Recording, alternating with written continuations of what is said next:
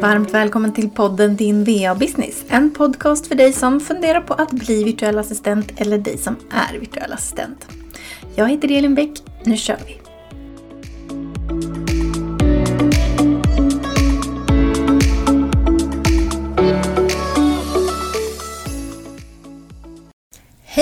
Idag ska vi prata om något som har varit ganska efterfrågat när jag har eh, ställt frågan på Instagram eller så om vad, eh, vad ni vill höra i podden. Så jag hoppas att det här ska vara uppskattat. Vi ska nämligen prata om prissättning.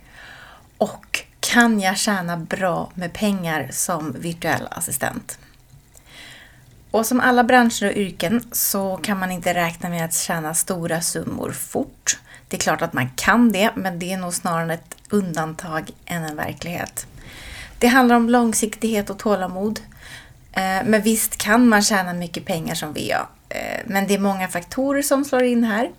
Bland annat hur du prissätter dina tjänster, men också vilken typ av tjänster du erbjuder och också vad som efterfrågas, vad kunderna vill ha för typ av tjänster. Många VA startar som ja men, generella administratörer eh, och hittar sedan tjänster som de utvecklar och blir mer nischade inom och på så sätt så kan du ta mer betalt. För erbjuder du vanliga administrativa tjänster såsom mejlhantering, kalenderbokningar Eh, och så vidare så är det kanske tjänster som inte kräver någon direkt kunskap och erfarenhet. Även om du kanske har det så kan det vara svårare att ta högre betalt för den typen av tjänster. Så om du till exempel erbjuder tjänster som videoredigering, podcastredigering och publicering, ja, där krävs lite mer kunskap och du kan på så sätt ta högre betalt. Men det kan också vara en bra start att börja med enklare uppgifter så att du på så sätt kan bygga upp din business och samtidigt vidareutbilda dig. Eh, och I början är det viktigast att täcka dina kostnader. Det är kanske inte fokus på att gå med superstor vinst första månaderna utan att du vill täcka dina kostnader och känna att du kan betala din elräkning, eh, dina lån eller hyror och så vidare. Sen är det bra att även spara lite i bolaget så att du har möjlighet att investera. Eh, investera i utbildningar, fotografering, inköp av kanske ny dator etc.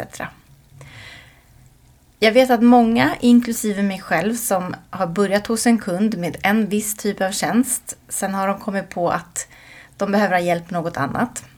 Till exempel kan vara att de behöver hjälp att posta på sociala medier och har då gett mig chansen att prova. Och på så sätt har jag fått lära mig något nytt medan jag fått betalt.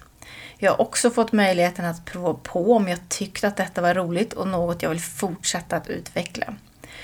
Det kan ju också vara så att när du jobbar med en kund kanske du ser potentialen eller möjligheten att, eh, att avlasta dem med en typ av uppgift som du ser att de kanske inte riktigt har tid med ehm, eller har lite svårt med och där kan ju du komma in att, och erbjuda dig att ta över den uppgiften. Men hur ska man tänka kring just prissättning? Vi har lite olika möjligheter här, men det viktigaste är att du gör det som känns bäst för dig och att du täcker dina kostnader. Och vi har alla olika förutsättningar så man ska alltid se till sig själv.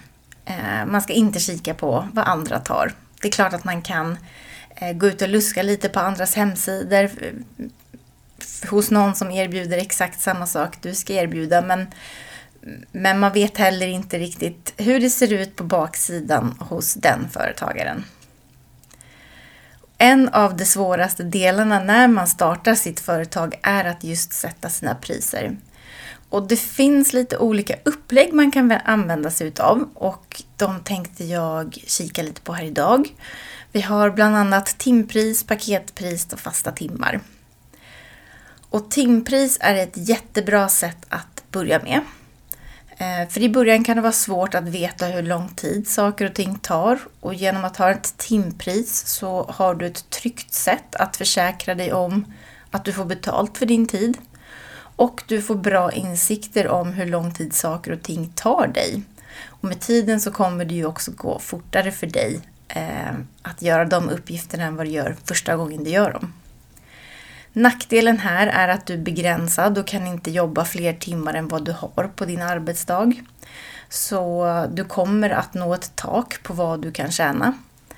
Här kan du också vara lite osäker på hur många timmar du får jobba från varje kund. För har ni bara någon typ av upplägg med rullande timmar eller ehm, ja, de vet inte riktigt hur mycket och du vet inte hur lång tid saker och ting tar. Eh, så kan det vara lite osäkert på att veta hur många kunder du kan ta in. För att du vet inte hur många timmar varje kundjobb tar. Så det är lite osäkert med just den typen av upplägg. Sen har vi paketpris och här har du möjlighet att ta betalt per uppgift eller tjänst och inte hur lång tid det tar. Här har du alltså möjligheten att sätta ditt eget pris och kunden betalar för, för den tjänsten oavsett hur lång tid det tar för dig att utföra den. Det är den här vägen många VAs tar när de har blivit lite varma i kläderna. Du börjar alltså nu få lite koll på hur lång tid saker och ting tar och det är nu dags för dina kunder att betala för inte bara din tid utan också din kunskap, din effektivitet och din erfarenhet. Så här har du möjlighet att ge dig själv en liten lönehöjning. Sen har vi fasta timmar. Här köper kunden ett x antal timmar av dig varje månad och ni kommer överens om vilka uppgifter som ska göras. Sen håller ni kontakt under månaden för att se hur ni ligger till tidsmässigt. Detta skiljer sig inte supermycket från att ha ett timpris utan du får fortfarande betalt för den tid du lägger ner. Men du vet hur många timmar per kund det blir. Du har alltså bättre koll och kan planera dina månader bättre. Du vet hur många eh, kunder du kan ta in och hur många timmar du har att, att arbeta på. Men hur du väljer att prissätta dina tjänster och om det är något av det vi nämnt här eller om du har något annat upplägg så är det viktigt att vara tydlig. Tydlig på din hemsida, eh, vad kunden har att välja på och om du inte vill ha pris på din hemsida så är det viktigt med tydlighet i din offert. Och vad ska du då ta betalt? Ja, här kommer frågan, hur långt är ett snöre? För det finns inget rätt eller fel. Här måste du väga in hur mycket du behöver få in varje månad för att täcka dina kostnader. Och vilken typ av tjänst du ska erbjuda och hur mycket kunskap och erfarenhet du har av den. Så allt det här bör eh, ha i åtanke när du sätter ditt pris.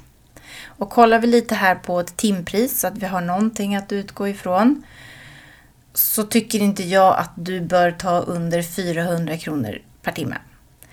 Oavsett vad du ska erbjuda. Och nu när vi pratar pengar i företagsvärlden så pratar vi ex-moms. Du lägger alltså på moms på ditt pris. Och när är det dags att höja sina priser? Ja, det gör du när du vill ha en förändring. Du har jobbat ett tag, du känner dig kunnig, du har ett bra workflow, du har ett bra arbetssätt, kunderna är nöjda och du har bra referenser och så vidare. Då är det dags att höja dina priser. Kanske ändra på något upplägg, göra om en tjänst och så vidare. Något som också är bra att ha i åtanke när du sätter dina priser är att det inte är superenkelt att höja till sina bestående kunder. Ja, man skulle kunna skriva in det i avtalet eh, om du har rullande kunder som du jobbar med på en återkommande basis. Att då vid varje årsskifte så höjs priset med x antal kronor. Och lyssna nu till en som har gjort detta misstag. Jag var alldeles för försiktig när jag började. Jag har en kund som jag jobbat med i över fyra år och ja, då var mitt pris betydligt lägre än vad det är idag. Och jag har höjt mitt timarvode en eller kanske till och med två gånger. Eh, men någonstans så tar det emot att höja igen. Och det är ju bara mina spöken som sätter stopp. Jag skulle säkert kunna höja, men jag vill ju heller inte mista den här kunden eftersom vi har jobbat så länge. Men denna kund ligger just nu mycket lägre i pris än vad mina ja, men nyare kunder gör.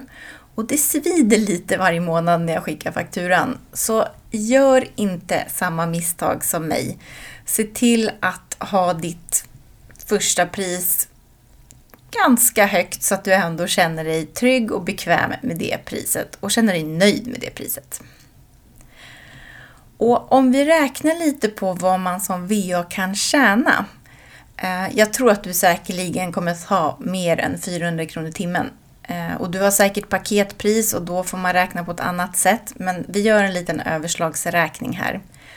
Eh, säg att du tar 500 kronor per timme och du jobbar 100 timmar per månad, alltså kundjobb som du kan fakturera för. För du kommer att behöva lägga arbetstimmar internt också. Eh, så det kanske låter som lite att jobba 100 timmar per månad, eller så låter det mycket. Det är ju upp till var och en. Men eh, glöm inte att du också har en hel del arbetstid som är internt, marknadsföring, administrativt, eh, bokföring och så vidare. Eh, men 500 kronor i timmen gånger 100 timmar, det är 50 000 kronor per månad. Och räknar du av arbetsgivaravgifter, dina kostnader etc. Du kan göra den här typen av uträkning på till exempel verksamt.se så får du eh, en, en tydligare uträkning. Eh, men man kan säga att man kan ta ut en lön på ungefär hälften av det man fakturerar. Ja, om du inte har lokalhyra och andra större företagskostnader. Har du istället kanske 800 kronor i timmen så blir det 80 000 kronor i månaden. Så visst kan du ha en bra omsättning och tjäna bra pengar som VA. Och till dig som redan är VA så hoppas jag att du har fått lite inspiration till att höja dina priser, för det är du troligtvis värd. Och till dig som funderar på att bli VA, ja, det är dags att börja dra in dina egna pengar. För som du ser och hör så går det att tjäna bra med pengar som VA. Och du kommer inte att behöva jobba ihjäl dig och dygnet runt. Stort lycka till!